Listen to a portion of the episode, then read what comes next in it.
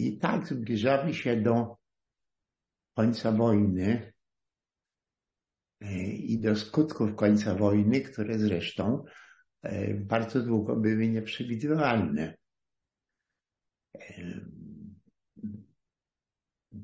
Po prostu była zła ocena Wielkiej Brytanii i bardzo zła ocena Stanów Zjednoczonych. To znaczy wiązają ze Stanami Zjednoczonymi ogromne nadzieje i te nadzieje zaczęły się walić, zaczęły upadać po prostu w 1944 roku. I to już no, od samego początku 1944 roku. Co na to, co na to wpłynęło? Przede wszystkim wpłynęła na tym sytuacja na froncie wschodnim. Związek Radziecki, który jeszcze e, w 1943 roku e, był dość taki niepewny, e, jeżeli chodzi o, o wojnę z Niemcami, bał się, że, że Niemcy w jakiś sposób wzmocnią swoje siły. Ten Związek Radziecki w ciągu, w ciągu tego 1943 roku miał właściwie same sprzyjające okoliczności. Pierwsza sprzyjająca okoliczność, która zaczęła się jeszcze E, w końcu roku 1942, to było wylądowanie po tej stronie Atlantyku wojsk amerykańskich. Mówię po tej stronie Atlantyku, ponieważ one wylądowały na obszarach francuskich kolonii czy protektoratów e, w północnej, e, północnej Afryce.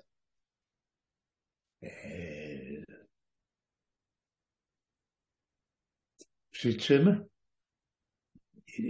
w Stanach Zjednoczonych działały, działały dwa czynniki, które pierwszy był właściwie nieznany także dla Anglików, a do Anglików, ale także i do Polaków. Ale ogólnie był nieznany. A mianowicie tym pierwszym była osobowość prezydenta Stanów Zjednoczonych Roosevelta ciężko było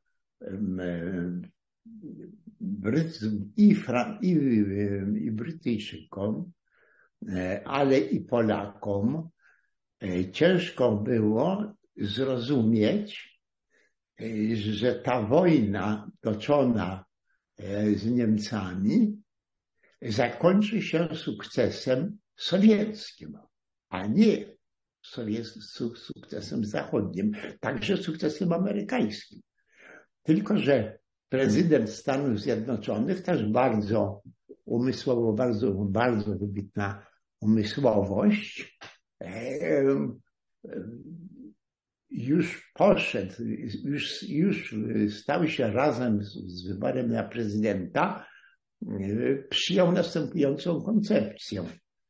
Europa Zachodnia jest zużyta, Europa, czy cała Europa jest zużyta, zniszczona przez wojnę, ogarnięta jakimiś procesami negatywnymi, jakimiś łapówkami, niezdolnością i tak dalej, nieumiejętnością rządów, korupcją powszechną i tak dalej.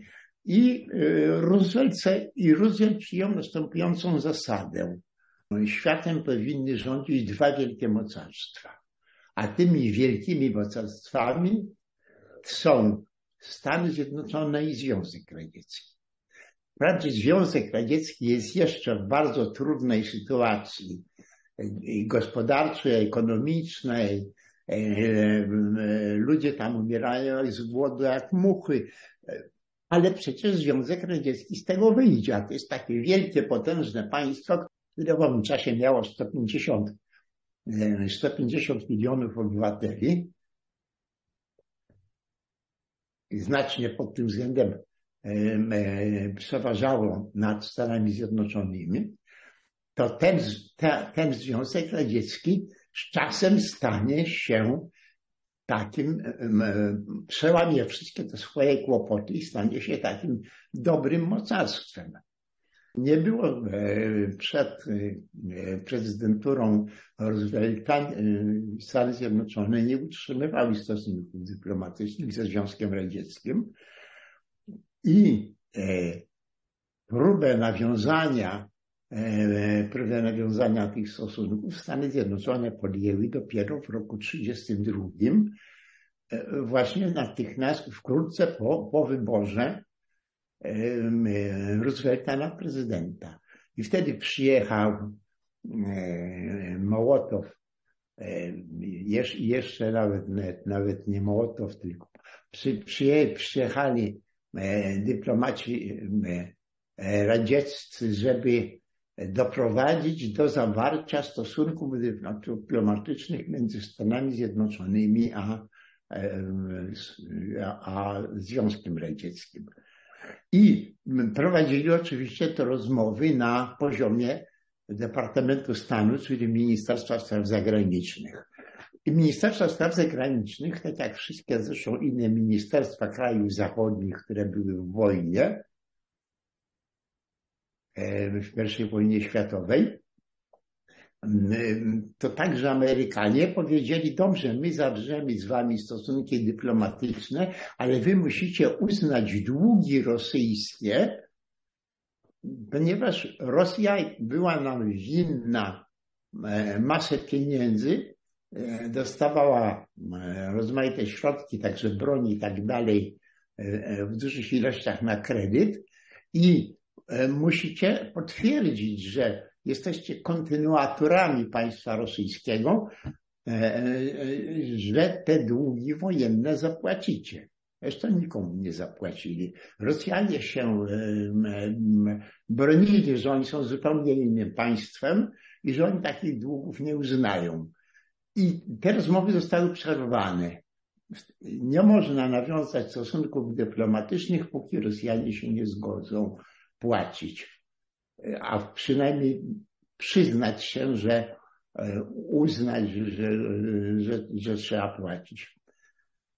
I, I wtedy wkroczył czynnie e, prezydent Roosevelt, niemalże już na lotnisku, e, kiedy w Sowiecie od, mieli już odlatywać, do, do Białego Domu zaprosił i zawarł z nimi porozumienie pomijające w ogóle sprawę, e, zawarł z, i sam osobiście zawarł z nimi porozumienie o e, nawiązaniu stosunków dyplomatycznych, nic nie wspominając o żadnych długach.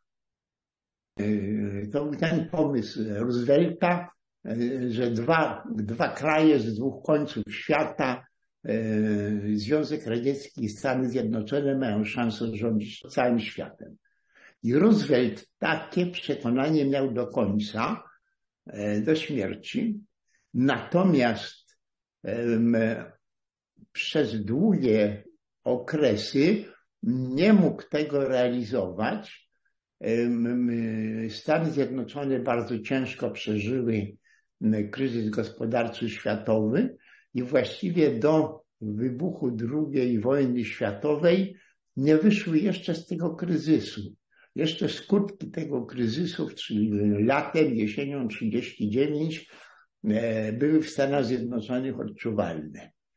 Wojna przyniosła Stanom Zjednoczonym ogromny skok gospodarczy. E, ponieważ trzeba było do walki z Niemcami, którzy już w międzyczasie opanowali całą, praktycznie całą kontynentalną Europę i przemysł całej kontynentalnej Europy. Nie tylko przemysł niemiecki, ale, ale te bardzo wielkie przemysły francuskie, spore przemysły belgijskie, holenderskie, te w znacznej mierze hiszpańskie, włoskie, po prostu w roku 1940 po upadku Francji i jeszcze w 1941 Niemcy były także czołowym mocarstwem ekonomicznym. W 1939 roku tego powiedzieć nie było można. Ale w 1940-1941 Niemcy były czołowym mocarstwem ekonomicznym. I w związku z czym przeciwnicy Niemców, głównie Imperium Brytyjskie, ale do tego Imperium Brytyjskiego należały kraje, państwa takie już półniepodległe, e, które wszystkie wypowiedziały wojnę, wojnę Niemcom, poczynając od Kanady, przez Australię, Nową Zelandię, Związek Południowej Afryki. Prawda? Wszystkie te wcześniej zwane dominiami były już właściwie samodzielnymi państwami e, połączonymi w brytyjską wspólnotę narodów, e, taki e, nadrzędny, nadrzędny organ, ale już, już przynajmniej, przynajmniej politykę wewnętrzną prowadzili całkowicie na własny rachunek i nie oglądały się na Londyn. I, i teraz te kraje nie miały specjalnie rozwiniętego przemysłu, ponieważ nie potrzebowały tego przemysłu, a ponadto Brytyjczycy, w znacznej mierze Brytyjczycy po prostu załatwiali im to, że oni nie mieli na miejscu przemysłu, a brytyjski przemysł był najsilniejszy, e, najsilniejszy na świecie w tych pierwszych latach przed 1914 y, rokiem, w pierwszych latach XX wieku. I teraz na miejsce Wielkiej Brytanii weszły Stany Zjednoczone. Przemysł Stanów Zjednoczonych pracował przeciwko Niemcom, za Francuzów, za Włochów i tak dalej, i tak dalej. I, I ten przemysł amerykański się niesamowicie rozwinął w latach 39, czy powiedzmy sobie od zimy 40 roku do wybuchu wojny i po wybuchu wojny w 1941 roku w grudniu e, z Japonią, ten potężny przemysł amerykański stał się źródłem bogactwa amerykańskiego. E, po, po II wojnie światowej e, przemysł amerykański osiągnął stan 74% przemysłu światowego. Przemysł światowy w 74% był w Stanach Zjednoczonych. Owszem, Europa była wtedy całkowicie rozłożona, e, tak zwany trzeci świat nie był gospodarczo rozwinięty, e, więc to, to wszystko umożliwiało, e, to wszystko umożliwiało Amerykanom ten, ten rozwój gospodarczy bardzo silny tylko przykrywało zagrożenie, które było ze strony Związku Radzieckiego. I, I teraz tak, zagrożenia ze strony Związku Radzieckiego nie widział Roosevelt, ponieważ ciągle miał koncepcję dwóch mocarstw światowych na wschodzie i na zachodzie. Ale co gorsza, tego zagrożenia nie widział Churchill, który e, można się zastanawiać od kiedy dokładnie, może od 1933 roku, może od 1935 roku, ale nie później niż od 1935 roku. Churchill postawił na Związek Radziecki. Churchill postawił na Związek Radziecki. E, podczas kryzysu jesiennego, który doprowadził do klęski Czechosłowacji, do oddania Sudetów e, i, i ostatecznie e, przesądził o upadku, o likwidacji państwa czechosłowackiego, to na jesieni 1938 roku Churchill był mężem zaufania ambasady radzieckiej w Wielkiej Brytanii i między innymi polegało to na tym, że jak, jak, jak e, Związek Radziecki kierował e, groziła wojna. W tej wojnie chciał wziąć udział Związek Radziecki. Wielka Brytania, Francja była za, żeby ten Związek Radziecki był. Wielka Brytania wahała się w jedną, w drugą stronę. Ostatecznie Chamberlain nie wybrał Związku Radzieckiego, tylko wybrał Polskę. Potrzebny był po prostu dla, dla polityki brytyjskiej, potrzebny był kraj na wschód od Niemców i Chamberlain wybrał, wybrał Polskę. Ale do pewnego czasu były takie wahania. One zresztą słabły, wzrastały. Francuzi byli o wiele bardziej rzecznikami tego porozumienia z Rosjanami, z Sowietami. Rząd brytyjski Chamberlaina nie. Natomiast Churchill jest po prostu, działa jak agent sowiecki. Jeżeli przychodzi depesza radziecka, która tam coś proponuje, godzi się albo nie godzi, w każdym razie przychodzą jakieś papiery, to je najpierw dostaje do ręki prywatnie Churchill, a dopiero po tygodniu one trafiają do sekretariatu stanu, do, do Ministerstwa Spraw Zagranicznych brytyjskiego. Churchill ma tydzień czasu, żeby był przecież bardzo, bardzo aktywnym człowiekiem, bardzo pracowitym człowiekiem.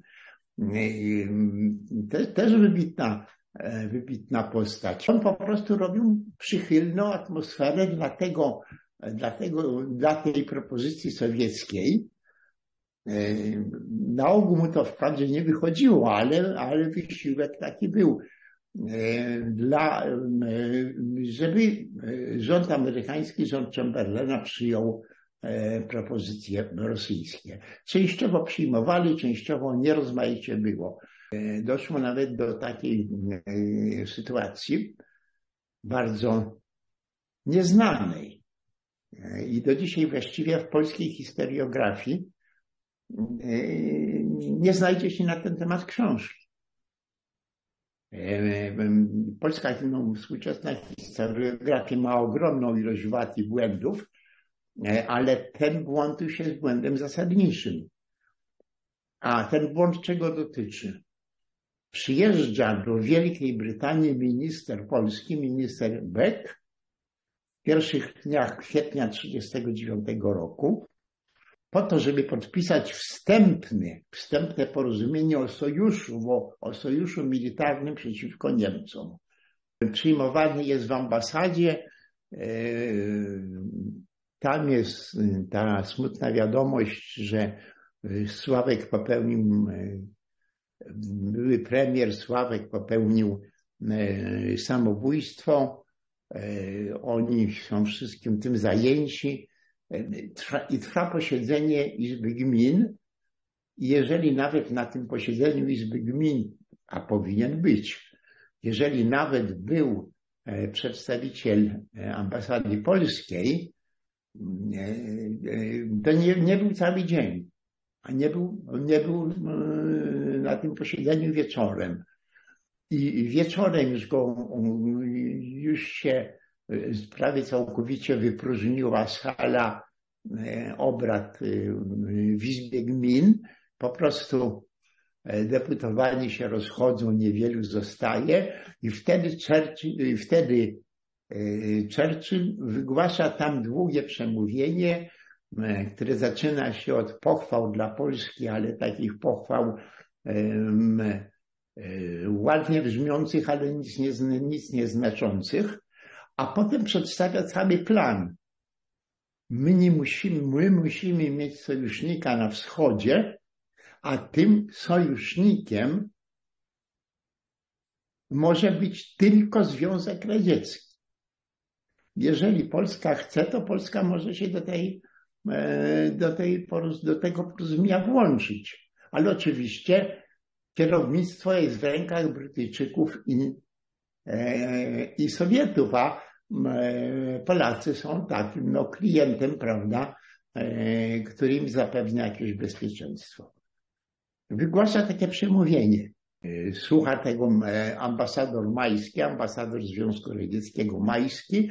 Potem już kończy się, gdzieś koło pół do dwunastej w nocy kończy się to posiedzenie i do jeszcze do, na jakiejś kawy. Dwaj tacy zwolennicy porozumienia z Rosją, a mianowicie Churchill i Lloyd George, były premier e, z I wojny światowej i zaraz po niej. Mm, tak się nawet odbywa tam taka e, dyskusja między Lloyd George'em a Churchillem. Lloyd George się zwraca do e, ambasadora mm, sowieckiego i mówi, no i co pan na to, żeby, żebyśmy mi nawiązali ten, to porozumienie i tak dalej. A Churchill mu przerywa i mówi, przecież on nie może tak odpowiedzieć, on może to dopiero odpowiedzieć, jak dostanie taką dyrektywę z Moskwy. Musi najpierw powiadomić Moskwę, to, to tego nie męcz. Ale to jest taka, znamy to ze wspomnień jednego z członków Izby Gmin, jednego deputowanego, który mówi, który mówi, że to oni tak opowiadali, ale po to, żebyśmy my to tak słyszeli, bo to przez chcą tego, a, a tutaj puszczają taki tylko porówny kawałek. Jak ja byłem w Londynie po raz pierwszy w 1987 roku, rozmawiałem z prezesem Raczyńskim, z premierem Raczyńskim. I premier Raczyński dopiero wtedy powiedział mi, że czytał, że dotarła książka, ja mam tą książkę, że dotarła książka amerykańskiego pisarza, który ten okres opisywał bardzo dokładnie i on podaje wszystkie dokładne warunki, opis, e, opis tego posiedzenia e, w Izbie Gmin. I dopiero wtedy Polacy się dowiadują i mnie już ten staruszek, ambasador, były już ambasador oczywiście Wielkiej Brytanii, E, Polski mówi, myśmy nie wiedzieli o tym. Gdybyśmy o tym wiedzieli, to byśmy sobie zdawali sprawę, e, e, że Wielka Brytania nam nie pomoże, ale, ale myśmy bardzo długo wierzyli w tą Wielką Brytanię. Ja wierzyłem w tą Wielką Brytanię. A nie można było wierzyć w tą Wielką Brytanię, bo, bo wynikało z tego, że jak tam Churchill dojdzie do jakiejś władzy czy do czegoś, albo zwolennicy Churchilla, zwolennicy tej koncepcji, to po prostu skończy się to dla nas tragicznie. Ale oni się o tym dowiedzieli w końcu lat, w końcu lat 80. Ja byłem tam w 87 roku, on był parę miesięcy wcześniej. Ta książka wyszła mniej więcej rok wcześniej. Ta sprawa jest tam opisana. Przypuszczam, że, że, że chyba poza mną nikt tej książki w Polsce nie zna, bo, bo nie słyszałem, żeby ktoś się na nią, żeby ktoś się na nią powoływał. A, a książka po prostu przedrukowuje przemówienie Churchilla, które jest przecież zapisane. To przemówienie już niezależnie od późniejszych jakichś tam rozmów, e, to przemówienie Churchilla w parlamencie jest oczywiście najważniejsze. E, Churchill był tutaj absolutnym przeciwnikiem Chamberlaina, e, który uważał, że każde porozumienie ze Związkiem Radzieckim jest dla Zachodu niebezpieczne, że wzrost potęgi Rosji, a porozumienie z Zachodem to może dać, jest dla Wielkiej Brytanii i dla Europy niebezpieczne i, i Chamberlain nigdy ostatecznie nie dopuścił do tego, e, ale odszedł. I dlaczego ja o tym wszystkim mówię? Roosevelt ma wizję świata, ma wizję kuli ziemskiej, którym rządzą dwa supermocarstwa. Tylko nie głosi tego publicznie. Tylko nie głosi tego publicznie, ale ma tą wizję i tą wizję od początku prezydentury, właściwie od 1917 roku, kiedy mi się ta, e, ten pomysł rodzi, e, to jest po prostu zwolennikiem tej historii. Roosevelt jest przekonany, że tylko Związek Radziecki się liczy, a Wielka Brytania, a tam trochę. Natomiast e, Churchill jest tym człowiekiem, który jeszcze przed wojną, i to przez całe lata, jeszcze przed wojną broni koncepcji Związku e, Wielkiej Brytanii z Rosją. Jest winą polskiej dyplomacji, zwłaszcza ambasadora Racińskiego, który był przecież w Londynie, siedział kilka, przed wojną te kilka lat w Londynie, najpierw w Lidze Narodów, gdzie się nie, niezbyt popisał i, i z tej Ligi Narodów tam w 1934 chyba roku przeszedł na ambasadora do Londynu. Ambasador w Londynie wtedy nie był ambasadorem najważniejszym, francuski czy niemiecki był ważniejszy. We Francji czy w Niemczech ambasador był ważniejszy. Natomiast podczas II wojny światowej to oczywiście ambasador polski w Londynie e, był ważniejszy od większości ministrów e, w rządzie Sikorskiego. I tu mamy tak, Sikorskiego Piłsudczyka, Raczyńskiego, który nie wie, że nie wie. I przyznał się, zresztą mnie też to powiedział, a ja mu wierzyłem. Ja przyjechałem wtedy do Londynu no, jako jeden z tych przywódców opozycji w Polsce i to tej, tej części opozycji, która się teoretycznie powinna w Londynie najbardziej podobać, to znaczy e, opozycji niepodległościowej, a nie opozycji naprawiackiej.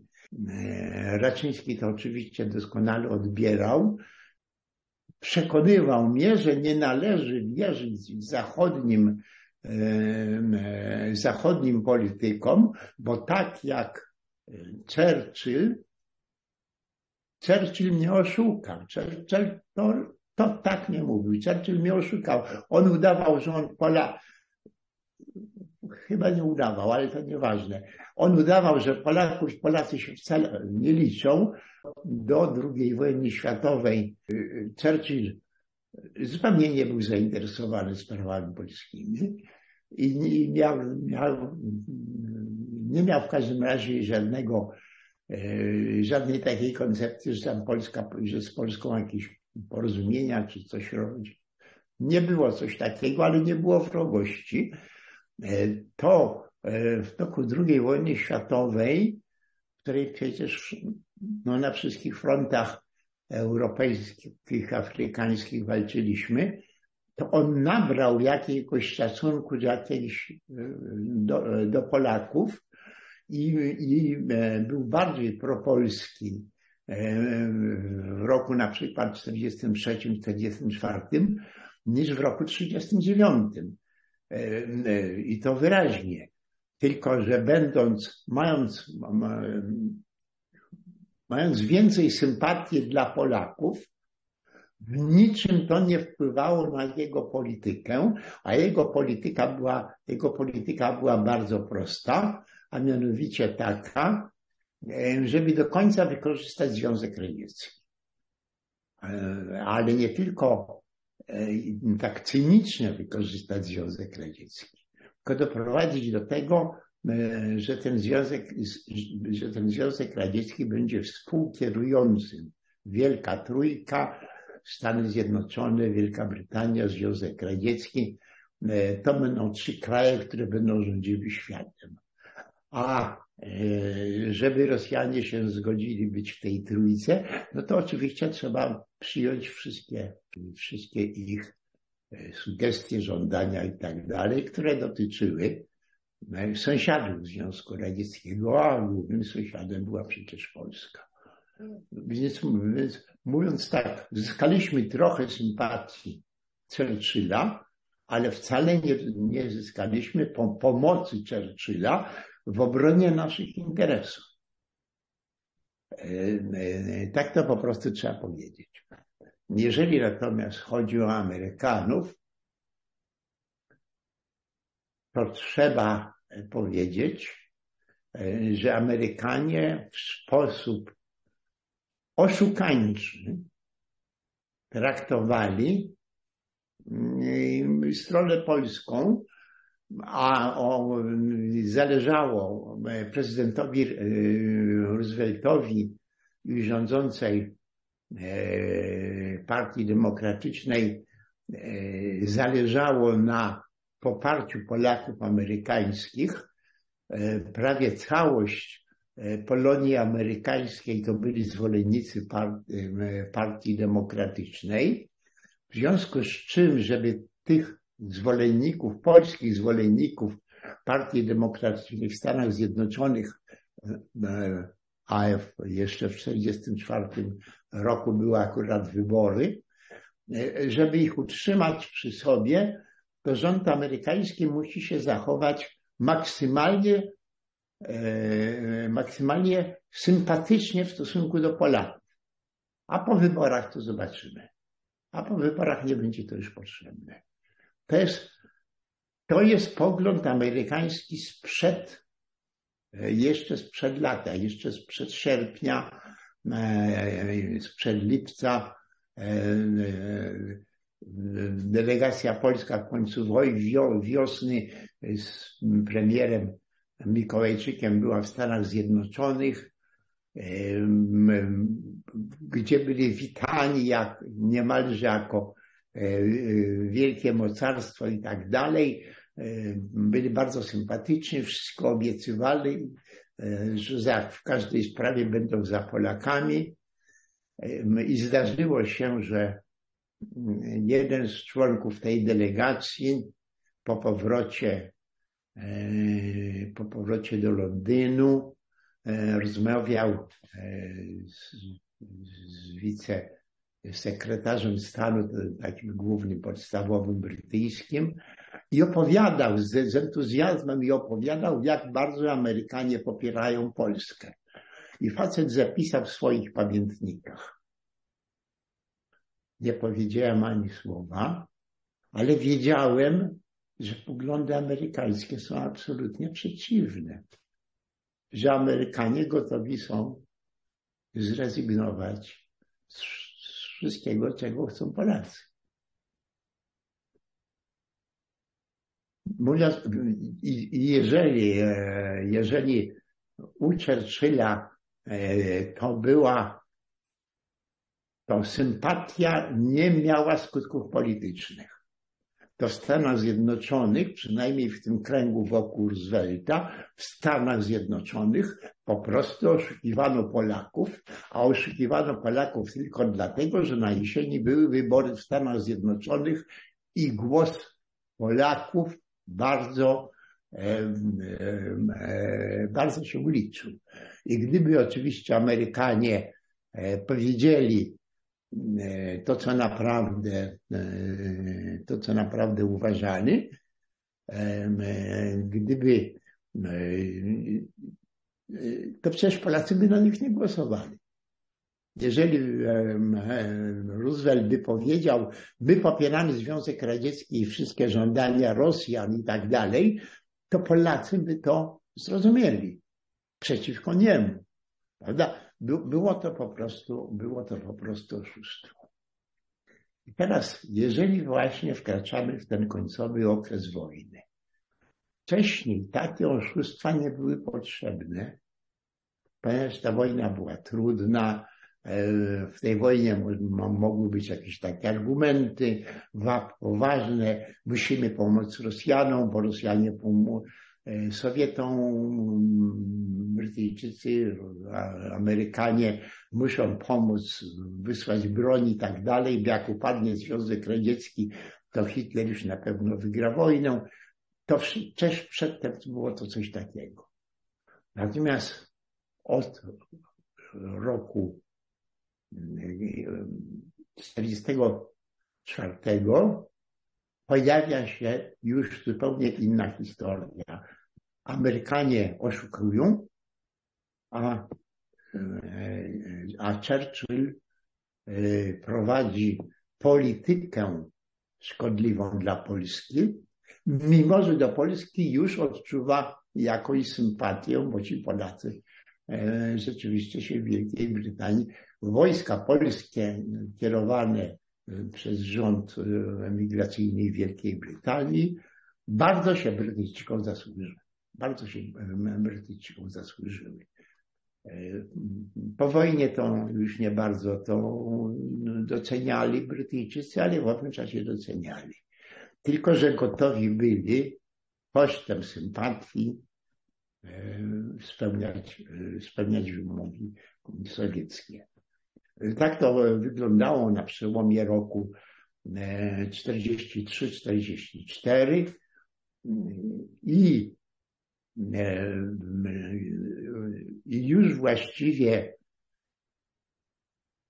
finalizować w tym okresie 33-34, w tym okresie już było oczywiste, kto wygra wojnę. Zupełnie to było jasne i już można było rozważać, no i co będziemy robili po wojnie. To Brytyjczycy, Amerykanie byli gotowi nas oszukiwać. Brytyjczycy mimo sympatii jakiejś gotowi byli działać przeciwko naszym interesom. Natomiast rząd emigracyjny był rządem niesłychanie słabym.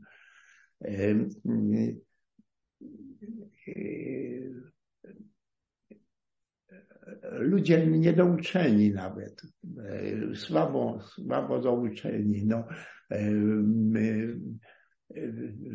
w gronie ministrów stały się osoby, które nawet nie uzyskały wykształcenia średniego. Mimo, że to naprawdę uzyskać maturę, to starano się jak największej ilości osób, no ale nie każdy późniejszy minister tego się nadawał, także nie nadawał się do tego oczywiście premier po śmierci Stalin, po śmierci generała Sikorskiego.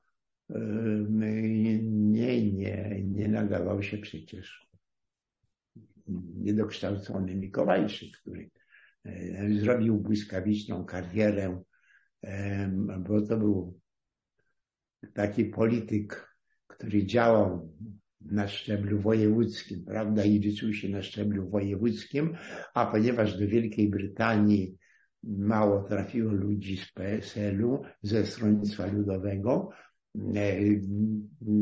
no, a wybrał go sobie Sikorski na pomocnika, ale wybrał sobie na wicepremiera, na pomocnika, a później na marszałka tego okupacyjnego gremium, prawda, które zastępowało parlament. Między innymi dlatego wybrał go Sikorski, że on był głupi i wypełniał wszystkie polecenia.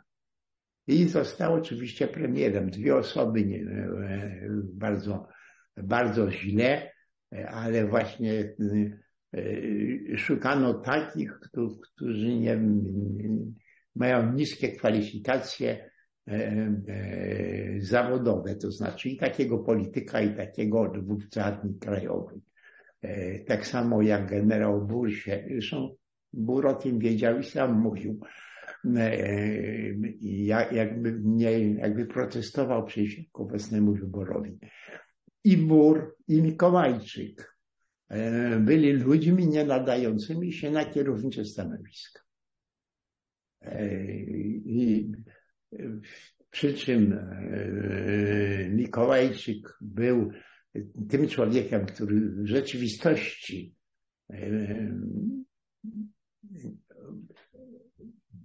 potrafił nieświadomie potrafił szkodzić.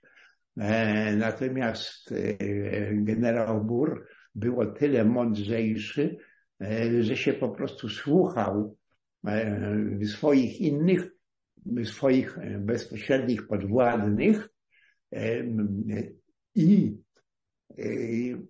no i, i te decyzje, które on wydawał, no to one przechodziły przez jakieś sito. Natomiast Mikołajczyk takiego sita nie miał.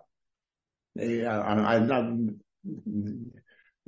właściwie w tym całym zespole ministerialnym, rządowym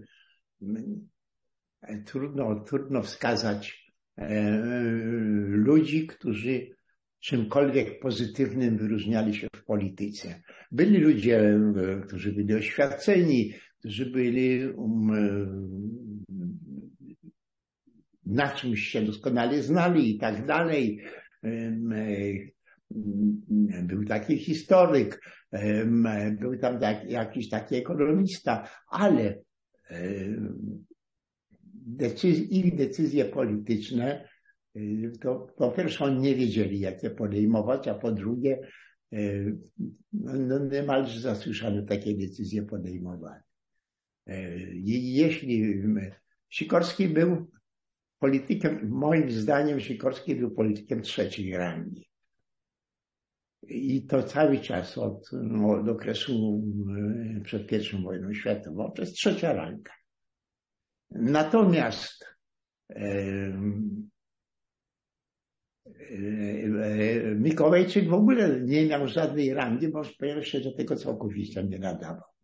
Tak samo jak przyjechał do Polski, to w 1945 roku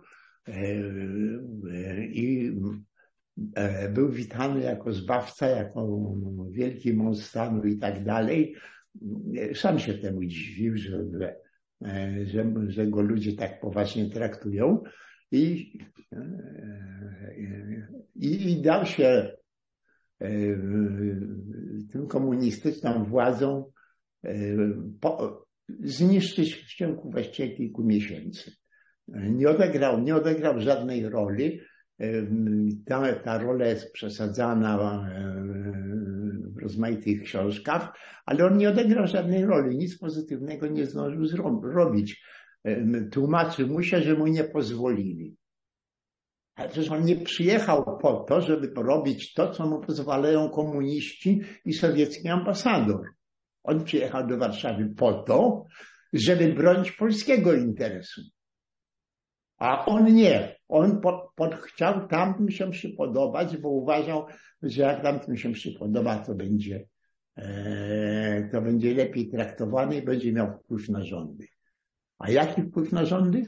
Nie, zdol, nie zdążył sobie do śmierci odpowiedzieć, jaki powinien mieć wpływ na rządy. Po prostu.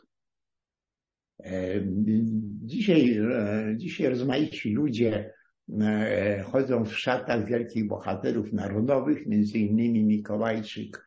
E, nie, nie, jest, nie jest to po prostu prawda, nie jest to zasługa.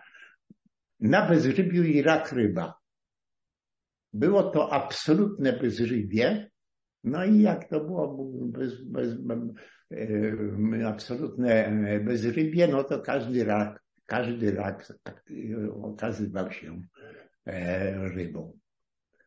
Zaczęła się gra nawet, e, gra może ze strony, próba gry ze strony polskiej, ale e, nawet trudno powiedzieć, że zaczęła się gra ze strony amerykańsko-brytyjskiej. Po prostu Amerykanie i Brytyjczycy co najwyżej ukrywali coś przed Polakami, ale w stosunku do Polaków nie prowadzili, nie prowadzili gry.